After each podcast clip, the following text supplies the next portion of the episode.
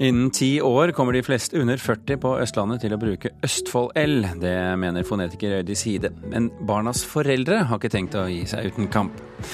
De fleste stjålne kunstverk kommer til slutt i rette igjen. Det sier to av Norges fremste kunsthandlere til NRK. Og Utøya-foreldrenes Trond Blattmann er med i Michael Moores nye film, og det ble regissørens sterkeste intervjuopplevelse noensinne. Og så skal du få høre vår anmelder skryte av Atle Antonsens innsats i den nye norske filmen Grand Hotell, som han kaller et fornøyelig drama med hjertelag. Logopeder merker økt bekymring blant foreldre over barnas uttale av visse lyder. Flere barn eh, bruker SKJ-lyden der de burde brukt KJ-lyden, og stadig flere i østlandsområdet bruker nå Østfold-L-en, som i ball. Men eh, foreldrene kjemper en språkkamp de på sikt er dømt til å tape, mener logoped og fonetiker. Kan du bare lese kjapt det som står der? La Skien kjenne lettelsen fra ballkjolen kjøpt i Kina. La Skien kjenne lettelsen fra ballkjolen kjøpt i Kina. La Skien kjenne lettelsen fra ballkjolen kjøpt i Kina. Ballkjolen kjøpt i Kina. Ja, svært få av dem vi tester på gata, klarer forskjellen mellom SKJ og KJ-lyden kan du si etter meg. Hi-hi-hi-kirke. Hi-hi-hi-kirke. Ja. Men det er ikke den eneste lyden logoped Katrine Kvisgaard sliter med å endre hos de unge. Kan du lese helt vanlig nå? Okay. Han blåste opp ballongen til den eksploderte. Jeg liker lollipop. De fleste voksne i dag, da tenker jeg kanskje 40 pluss, eh, klarer jo å skille disse lydene. Så de vil jo da at deres barn skal gjøre det også. Hun merker, i likhet med mange andre logopeder NRK har snakket med, en økt bekymring blant foreldre over at barna deres ikke klarer forskjellen på SKJ og KJ-lyden. Og fortrinnsvis i østlandsområdet at barna bruker tjukk L. Det er jo en forenkling. Det er jo det det er. Det er en forenkling. Det er lettere å si en sj-lyd enn en sj-lyd. Og det er lettere å ty til tjukk L, populært kalt Østfold-L. Foreldre er nok bekymra fordi at de vil gjerne at barna skal snakke akkurat sånn som de gjør selv. Sier fonetiker Øydis Hide. En fonetiker det er en som jobber med språklyder. Hvordan man lager språklyder inni munnen. Så nå blar jeg Her ser vi f.eks. hus, lys De må bare se bildet, og så skal de si sage når de ser en mann som sager. Hun mener at alle kan klare forskjellen på h og sj og l og u, men at pengene som går til logopeden, egentlig er penger ut av vinduet. Jeg tror at det er fånyttes. Jeg tror ikke at man kommer så veldig langt med å instruere barna til noe som helst. Barna kommer til å imitere sine venner og omgivelsene. Og omgivelsene har allerede bestemt seg. KJ-lyden og L-en slik vi kjenner dem i dag, vil på sikt forsvinne, mener Hide. Jeg tror at uh, innen ti år så kommer de fleste under 40 år i østlandsområdet til å bruke den nye L-en. Kan du bare lese det som står der? La Skien kjenne lettelsen fra ballkjolen kjøpt i Kina. Du skulle sjekke KJ, KJ, K-greiene, skjønner jeg. En gang til. Reporter her, det var eh, Christian Ingebretsen. Åse Vetås, eh, direktør i Språkrådet, velkommen til Kulturnytt. Takk. Er du bekymret for talespråket? Nei, Språkrådet driver ikke med talemålsnormering, og vi ser på all etablerte talemålsvariasjon som likeverdige. Og så vet vi jo at uh, talespråket har eh, endra seg til alle tider, og det kommer til å endre seg i framtida òg. Så selv ikke som, uh, som språkinteressert privatperson bekymrer du deg? Nei, altså dette er nok en utvikling som vi kan betrakte, og som foreldre nok kan eh, irritere seg over. For som fonetikeren sier, så vil vel foreldre at uh, ungene skal snakke sånn som de gjør sjøl. Men, uh, men, dette tror jeg nok hun har helt rett i, at det er en, en, lydendring som vi ser at sprer seg. Men tror du det bare handler om at de vil at barna skal snakke som dem selv, eller frykten for at de ikke får jobb hvis de bruker Østfold-L? I, altså når, når, eh, mange nok bruker denne L-varianten, så vil den etter hvert bli den umarkerte. Så jeg tror ingen trenger engste seg for at eh, det skal gi ungene dårligere muligheter på arbeidsmarkedet. Men er det en, er det en eh, kamp som, som har noe godt ved seg likevel? Det er klart at det å være opptatt av språk er eh, en god ting, syns jo alle vi som jobber med språk profesjonelt. Men eh, det er andre områder eh, av språket som, som, det nok er viktigere å passe nøyere på. Som eksempel? Ja, som eksempel innflytelsen fra engelsk i store deler av det arbeidslivet som foreldrene er en del av. Men vi, vi tar jo da kampen for skriftspråket, det er jo du en del av. Men, men hvorfor er det viktigere å ta kampen for skriftspråket og ikke talemålet? Vi har alltid hatt et stort dialektmangfold i Norge. Og det store dialektmangfoldet det er en stor uh, verdi. Uh, skriftspråket det har vi en etablert felles norm for. Og Den etablerte felles normen den er jo for så vidt et forhandlingsspørsmål, og den skal på best mulig måte reflektere det uh, felles skriftspråket som vi deler, og lette forståelsen av norske skrift. Men utelukker du at uh, talespråket kan også da påvirke skriftspråket? Talespråket eh, påvirker selvsagt skriftspråket, men skriftspråket er eh, en mye mer konservativ masse enn talespråket. Og vi kan jo se f.eks. av måten vi skriver kirke og kinn på, at eh, de ordene som eh, i, i, middelalderen ble uttalt kirke og kinn, de har fortsatt en skrivemåte som reflekterer denne eldre uttalemåten, faktisk. Så det er ikke noen grunn til å tro at barna begynner å skrive kirke og kinn med SKJ? Jeg tror ikke vi skal være spesielt engstelige for det, nei. nei. Ok, Åse Vetås, eh, takk skal du ha for at du var med oss fra Drammen.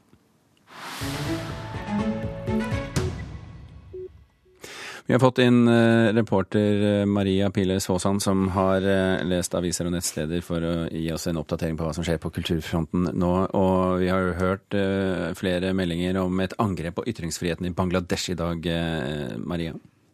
Ja, en jusstudent fra Bangladesh er drepen i hovedstaden Dhaka. Mannen ble hakka i hjel med machete og så skutt på, på gata, og politiet mener at motivet for det er at han hadde posta islamkritiske meldinger på Facebook. Og dette er den siste i en rekke av drap der ofre er bloggere og andre som har ytret seg eh, og vært religionskritiske. I fjor ble fire eh, bloggere eh, drepne på samme måten som det offeret er nå. Og over til noe ganske annet. Eh, her hjemme vil eh, Riksantikvaren eh, ha bedre oversikt over kulturminnene våre, forstår jeg? Ja, nå har han gitt 50 kommuner penger til å lage en egen kulturminneplan for eh, i år. Det er et prosjekt som har pågått en stund, og eh, nå har til sammen halvparten av norske kommuner fått sånne midler. Dette prosjektet er for å få oversikt over kulturminner og kunne planlegge hvordan en skal forvalte de lokalt. Og Riksantikvar Jørn Holme skriver i pressemeldinga at viktige kulturminner kan gå tapt for da at kommunene ikke vet om de, rett og slett. Og en eh, sånn kulturminneplan som de nå har fått penger for, er en viktig investering for å unngå det. La oss hoppe til en eh, helt annen del av kulturlivet, nemlig eh, modeller. Britene har fått nok av de tynne modellene? det? Ja, de har i hvert fall fått nok av én av de. en modell i en Gucci-reklame er for tynn for britiske myndigheter. En reklame for luksusmerket der det er et stillbilde av modellen eh, i, som del av en nettvideo som ble vist på The Times i desember. Er det ei dame som står oppstilt eh, på en måte som da reklameombudet mener gjør at hun ser veldig tynn ut. I tillegg så er hun sminka på en måte som gjør at de syns hun ser sjukelig ut. Og nå har de bestemt at de må ikke få vise den reklamen på samme måten. Gucci har tatt vekk bildet fra Gucci-videoen sin. Men de bruker fremdeles modellen i kampanjen. Og forsvarer seg eh, med bruken med at ingen av modellene hadde synlige bein. Eh, altså knokler, skal vi kanskje si. Fremskritt overalt. Eh, og at det er en subjektiv vurdering om, eh, om en ser usunn eller ikke ut i, i modellkroppen. Maria Piles Vaasan, takk for at du kom inn.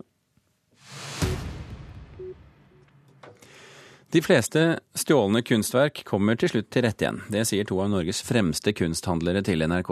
I går ble det kjent at Munch-litografiet Historien, som ble stjålet fra et galleri i Oslo i 2009, er kommet til rette. To personer er siktet i saken, og vi var med da Knut Forsberg ved Blomkvist fikk inn bildet for å sette en ny verdi på det. Her har du det. Og her ser vi håndkoloreringen er veldig tydelig. Knut Forsberg fra Blomkvist kunsthandel har på hvite hansker og tar papirrollen på bordet med bar hand. Vi står og ser på Edvard Munch sitt litografi 'Historien', som ble stjålet fra et galleri i 2009. Men denne veka ble det funnet igjen av politiet. Og det som er eh, servesignert her, ser vi. Og det er ikke alt som er, så det gjør det liksom litt unikt. Og så er denne påskriften som gjør at man er sikre dette er det som virkelig ble stjålet den gangen.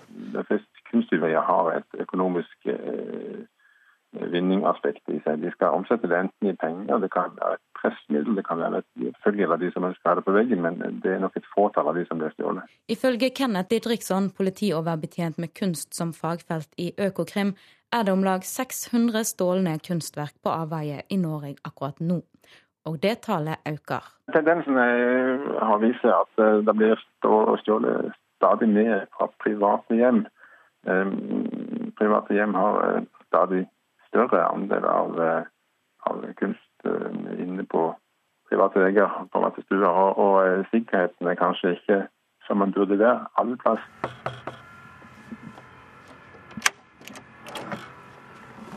Velkommen inn. Her er det alltid låst. Når en besøker Grev Wedels plassauksjoner og en viktig Munch-handler, er det tydelig at det er verdifulle ting innenfor døra. Men ifølge daglig leder Hans Christian Elgheim har stålen kunst en tendens til å dukke opp igjen. Det kommer til rette igjen på et eller annet tidspunkt, sånn som nå f.eks. Stjålet kunst er vanskelig å omsette. Kort og godt så er du avhengig av et lukket marked, eller i hvert fall avhengig av eh, naive kjøpere. Og naive kjøpere skal kanskje snu seg rundt og selge det videre. Og så er det ikke om å gjøre, så kommer det til overflaten opp på det åpne marked, og da, da er det jo gjort. Den oppfatninga deler Forsberg.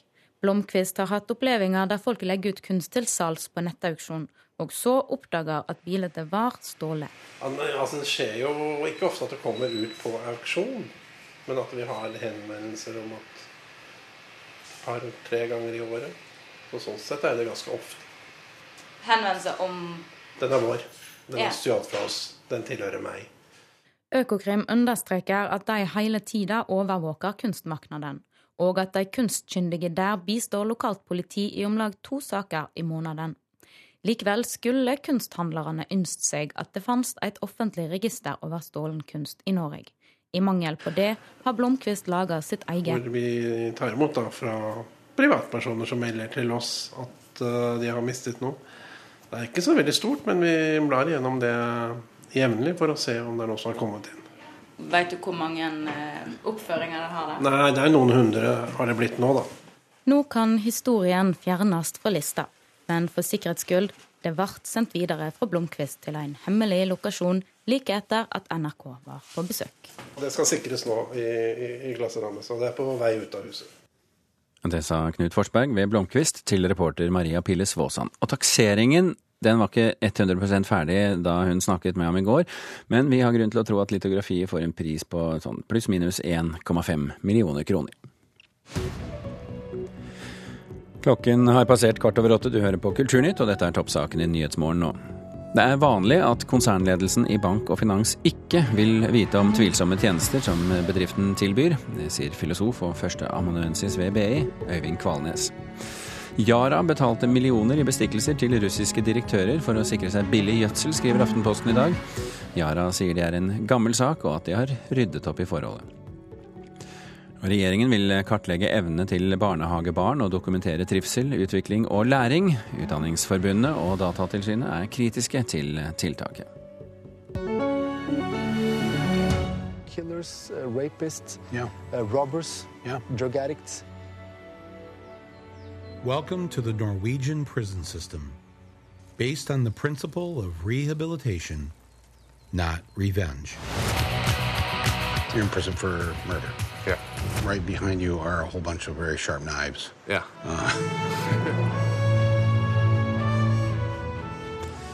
Den populære og kontroversielle amerikanske dokumentarskaperen Michael Moore er tilbake med en ny film denne helgen. Denne gangen reiser han rundt i vestlige land, og Tunis også, tror jeg, for å hente hjem gode ideer til hvordan USA kan bli et bedre land å bo i. I Norge har han vært for å se på fengselssystemet. I Bastøy fengsel, som du hørte litt lyd fra her, så lever norske fanger tilsynelatende svært idyllisk, i motsetning til hva amerikanske fanger gjør. Mode Steinkjer, kulturredaktør i Dagsavisen, velkommen til Kulturnytt. Takk. Hva slags dokumentarfilm er dette egentlig? Eh, kan man si at det er en typisk Michael Moore-dokumentarfilm. Eh, han er jo en aktivist, filmaktivist. Han er også en stor satiriker og en eh, refsende politisk kommentator i det amerikanske kulturlivet. Kjent fra filmer som 'Bowling for Columbine' og 'Fahrenheit 9-11'. Denne filmen er nok litt i samme Oscar, stil. Oscar-vinner, så det er, det er, det er ja. liksom en ordentlig mann? Det er det absolutt.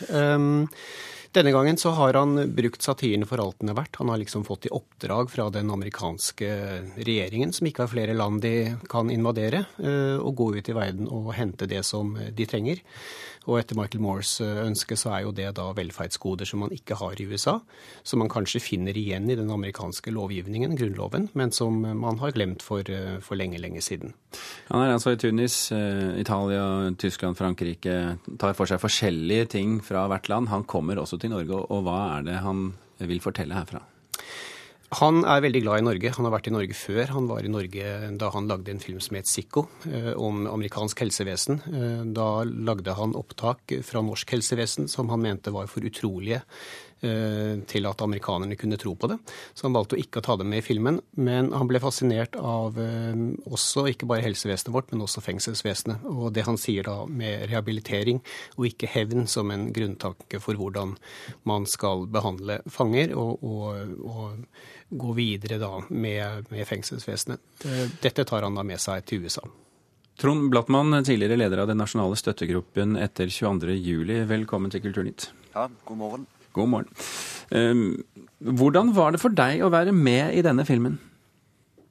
Det er jo spennende å treffe Michael Moore. og eh, Jeg antar jo at intervjuet med meg var, var, var begrunna i eh, min holdning til, til massemorderen eh, og, og, hvorfor jeg ikke ønska at han skulle få dødsstraff. Men det er klart det er spennende å snakke med Michael Moore. Han er en han er en artig kar som eh, forteller eh, viktige ting, og som tar opp eh, politiske saker som jeg syns er veldig spennende. Michael Moore sa til Dagsavisen nå på lørdag at intervjuet med deg er det sterkeste han noensinne har vært med på. Hvorfor det, tror du? Ja, nå sitter jo ikke jeg i tankene til Michael Moore eller hans uh, følelser, men det er klart at uh, det intervjuet du ser på filmen, er jo bare en brøkdel av det vi snakker om. Vi snakker jo sammen mye, mye lenger. Så Eh, det er klart at eh, det å snakke med en forelder som har mista et barn i en, en, slik terroraksjon som vi opplevde 22.07, er sikkert sterkt for Michael Moore. Vi skal høre et lite klipp fra filmen her der Moore har fortalt om Utøya, og du har fortalt om hva som skjedde med sønnen din, Torjus. Mm. Og Moore lurer på om du har eh, hevntanker. We don't have death sentences here in Norway, so we kind of said that the mass murderer he's going to have the same kind of treatment as everybody else. The, ju the justice system is going to judge him, and he's going to have his sentence. You cared about whether he had a fair trial? Yeah. You? Yeah. You yourself? Yeah. But don't you personally want to kill him? If no. You, if you had the chance? No. If you had the chance? No. He, but he killed your son. Yeah, but I... No. You don't want to kill him? No. But he killed your son? Yeah, he killed my son. You wouldn't want but to. But I don't want to step. I don't want to step down on the ladder and say, "I have the same right as you thought you had to kill." Blattmann, det virker nesten som Moore ikke helt tror hva han hører her. Nei, men du vet han kommer fra Amerika, så der er jo holdningene til dette litt annerledes enn det er i Norge, heldigvis. Mode Steinkjer, eh, tror du at Moores eh, forbauselse er oppriktig her? Jeg tror faktisk det. Eh, Moore er veldig opptatt av Europa. Han, eh, han, kan mye om europeiske verdier. Han kan virke som en klovn der han, han, braser fram i filmene sine, men han er en reflektert og veldig kunnskapsrik mann. Men jeg tror at akkurat her så ble han tatt på senga, rett og slett. Og det viser også filmen, som er veldig morsom, til dels hysterisk morsom i andre sekvenser, men akkurat dette midtpartiet, eh, intervjuet med Blattmann og, og, sekvensen fra Norge, det er et, et eh, mørkt og veldig sånn sårt og, og sterkt eh, punkt i filmen. Han virker dog noe mer optimistisk alt i alt i denne filmen. Den er to timer lang. Enn han har vært i tidligere filmer. Altså mer optimistisk. Hvorfor det, tror du? Jeg tror det har å gjøre med at eh, vinden kanskje blåser litt hans vei. Han, han sa jo også i et intervju som vi hadde med at, at, nå føler han seg som en majoritet i amerikansk politikk, mens han har pleid å være en minoritet. Eh, han, han har noe å kjempe for, og han eh, er jo da det er ikke hemmelig at han er, støtter Bernie Sanders uh, iherdig. Uh, jeg tror han ser hva USA trenger, og jeg tror han nå har da funnet krefter og kanskje en måte også å bruke satiren sin på til å, å, breie ut litt og være mer allmenn enn han har vært når han har gått løs på enten det er kapitalisme eller helsevesen uh, spesifikt, som han har gjort tidligere. Han er jo, Blattmann, en dokumentarfilmskaper i satiresjangeren, må vi jo kunne si. da. Han arrangerer jo virkeligheten sin eh, i veldig, og i denne filmen, så som han sier i starten av filmen, han er bare ute etter å plukke blomstene, han er ikke ute etter ugresset. Mm. Eh, hvordan opplevde du det å bli intervjuet av ham? Som jeg sa til deg tidligere, jeg syns jo det var spennende. Eh, samtidig så er det, jo, er det jo med utgangspunkt i noe som er forferdelig vanskelig å snakke om dette at vi mista Torhus på Utøya 22.07. Men, men, eh, men jeg syns jo det er interessant at han reiser til Norge for å se på fengselsvesenet, og det er interessant at han intervjuer med, med det utgangspunktet. Eh, jeg hadde mange telefoner jeg fra Amerika underveis i rettssaken hvor de stussa veldig på hvorfor ikke dødsstraff. Hvor er hevntanken hen? Og det er kanskje noe av det som skiller eh, meg og Norges befolkning eh, fra en del av det som er skal vi kalle det, regjerende oppfatning i Amerika. Og så, som du selv sier, så finnes det jo lyspunkter i Amerika, eh, heldigvis. Du, du var jo i Berlin under filmfestivalen og mm. var med å se denne filmen. Mm. Hvordan var det å sitte i salen der med så mange eh, rundt deg? Nei, Det var veldig spennende og veldig spesielt. Og det er jo som, eh, som eh, Mod Steinkjer sier her, at det er en veldig eh, artig, morsom film. Jeg tror det var noe sånn som 72 klappsalver underveis i filmen. Vi lo mye. Samtidig så er det jo en, et alvor bak når han reiser til, til Europa for å, å, hale de gode ideene hjem. For det er jo det han gjør. Han viser det amerikanske folk, og ikke minst politikere, at det fins en annen vei her enn den vi har valgt i Amerika. Kanskje vi burde lære noe. Trond Blattmann med oss fra studio i Kristiansand og Mode Steinkjer. Eh, filmen har premiere eh, nå i denne uken. Eh, og tusen hjertelig takk for at dere var med og fortelle om den her i Kulturnytt.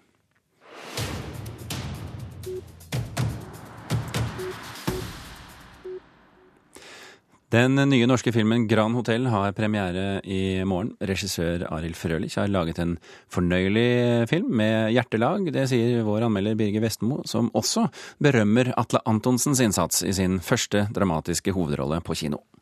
Kan du fortelle meg hvilken dag det er i dag? Tuller du det? Nei. Lørdag. I dag er det mandag. Du har skrumplever. At det her skyldes jo alkoholmisbruket ditt. Altså, jeg... Atle Antonsen gjør en fin figur i sin første dramatiske hovedrolle, og historien tar seg opp etter et litt forsiktig og begivenhetsløst anslag. Grand Hotell er innspilt i det kjente hotellet på Karl Johan i Oslo. Noe reklamepreg har filmen likevel ikke, all den tid det her er et underfundig drama om en avdanka forfatter som i bunn og grunn sjekker inn for å drikke seg i hjel. Filmens kjernehistorie er sett før, nemlig den om den gretne gubben som mykner opp i møte med en yngre person. Originalt er det derfor ikke, men historien er fin og fornøyelig med noen mørke og triste nyanser. Og hvis jeg ikke slutter å drikke, har du to til fire måneder igjen å leve. Forfatteren Aksel Farstad, spilt av Atle Antonsen, sjekker inn på Grand Hotell, angivelig for å skrive ferdig en ny roman, men tilsynelatende for å gi skrumplevere dødsstøtet. Omstendigheter gjør at han tar på seg å passe Noah, spilt av Håkon Bøhmer, den ti år gamle sønnen til resepsjonisten Hanna, spilt av Vera Vitali. Det blir starten på noen litt trøblete dager, der Farstad blir nødt til å innse ting om seg sjøl og sin akutte situasjon. Du forstår at vi ikke er venner, ikke sant? At jeg bare passer på deg noen dager? Er vi ikke venner? Den som forventer at Atle Antonsen som vanlig skal levere humoristiske latterbrøl, må justere innstillinga.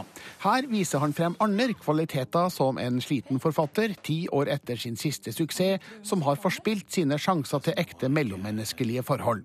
Antonsen får godt frem figurens triste og fatalistiske resignasjon. Sjøl når Aksel Farstad forsøker å gjøre noe av verdi, ser man på kroppsspråket og i øynene hans at han ikke tror på det sjøl.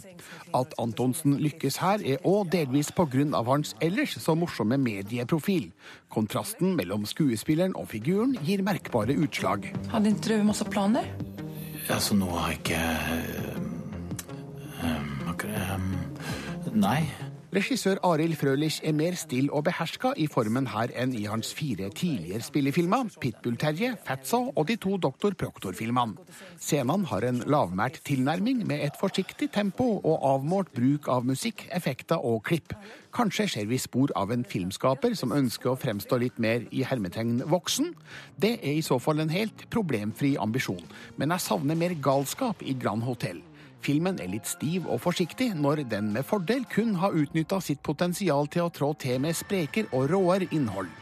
Grand Hotell er likevel et godt og tilfredsstillende drama med hjertelag, der den største gleden i å se Atle Antonsen utvikle seg i en interessant retning som skuespiller. Hva var det? Vi laget en uh, chattekonto til deg. Så kan vi chatte sammen mens jeg er på skolen. Nei, nei, drit i det. Det er bare pervor som chatter med unger. Grand Hotell anmeldt av Birger Vestmo. Eh, denne har altså premiere på fredag, men jeg kommer jo i fare for å si at også uh, Where to Invade Next, altså den Michael Moore-filmen som vi snakket om, hadde premiere denne uken. Og det er ikke sant. Den har premiere neste uke. 15. 15. april er det, altså. Kulturnytt eh, er i ferd med nå å runde av. I dag har vi fortalt at ingen under 40 om ti år kommer til å snakke uten Østfold L. De får like det eller ikke, de som har lyst til det. Vi takker for oss, Thomas Alvarstein Ove og Birger Kolsrud Jåsund.